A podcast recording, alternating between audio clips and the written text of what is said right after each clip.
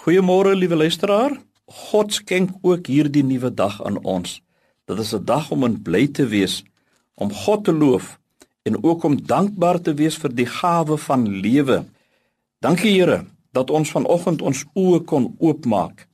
Dat U ons laat wakker word het uit ons verkokende slaap en ons liggaam gereed gemaak het sodat ons die meeste kan maak van die gawe van nog 'n nuwe lewensdag.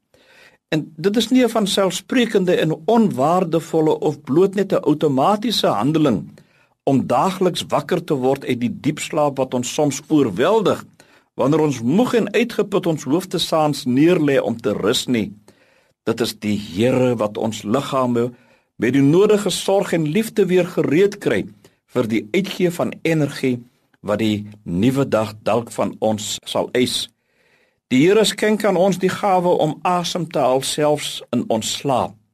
Hy voed die liggaam met die verfrissende suurstof en gee vir ons ook krag en vernuwe die verslatenheid van ons liggame omdat ons so teen 'n vinnige tempo moet lewe met sy allesomvattende liefde. Aan die Here kom toe die eer en die dank vir dit wat ons so van selfsprekend as deel van die normale menslike natuur aanvaar. Die Here skenk selfs die water vir ons waarmee ons vir ons reinig. Ons stort en ons bad en ons het iets om te eet en so gaan ons van dag tot dag voort en ons lewe soms onbewus daarvan dat hierdie dinge nie net plaasvind sonder dat daar 'n bepaalde orde is wat ons lewens orden en onderskraag nie. Dit alles het ons aan God te danke. Sy woord verklaar dit so heerlik in die eerste boek van die Bybel waar die skepingsverhaal vir ons opgeteken is, naamlik Genesis, en dit was aand en dit was môre en dit was die volgende dag. Van ons is dalk terminaal siek of gister of vandag het van die grootste ellendes ons huis getref.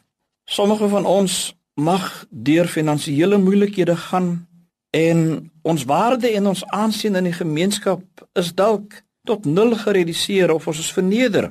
Nogtans moet ons juig in die Here, want die Here maak ons voete soos die van 'n ribbok op hoë plekke laat hy ons veilig wandel. Vanoggend wil ek u herinner aan die vyfde been van die ou klassieke nagmaalsformulier wat ons herinner dat al staan die tekens van die nagmaal in die tekens van rou en droefheid dit nog steeds 'n vreugdefees bly. Mag vandag ook 'n fees wees om na vorentoe te kyk, nie om oor ondankbaar te wees of om die nuwe dag met traagheid te begroet nie, maar 'n dag om na uit te sien, 'n dag wat God vir ons gee. Mag die Here hierdie nuwe dag aan u lewe ryklik seën. Amen.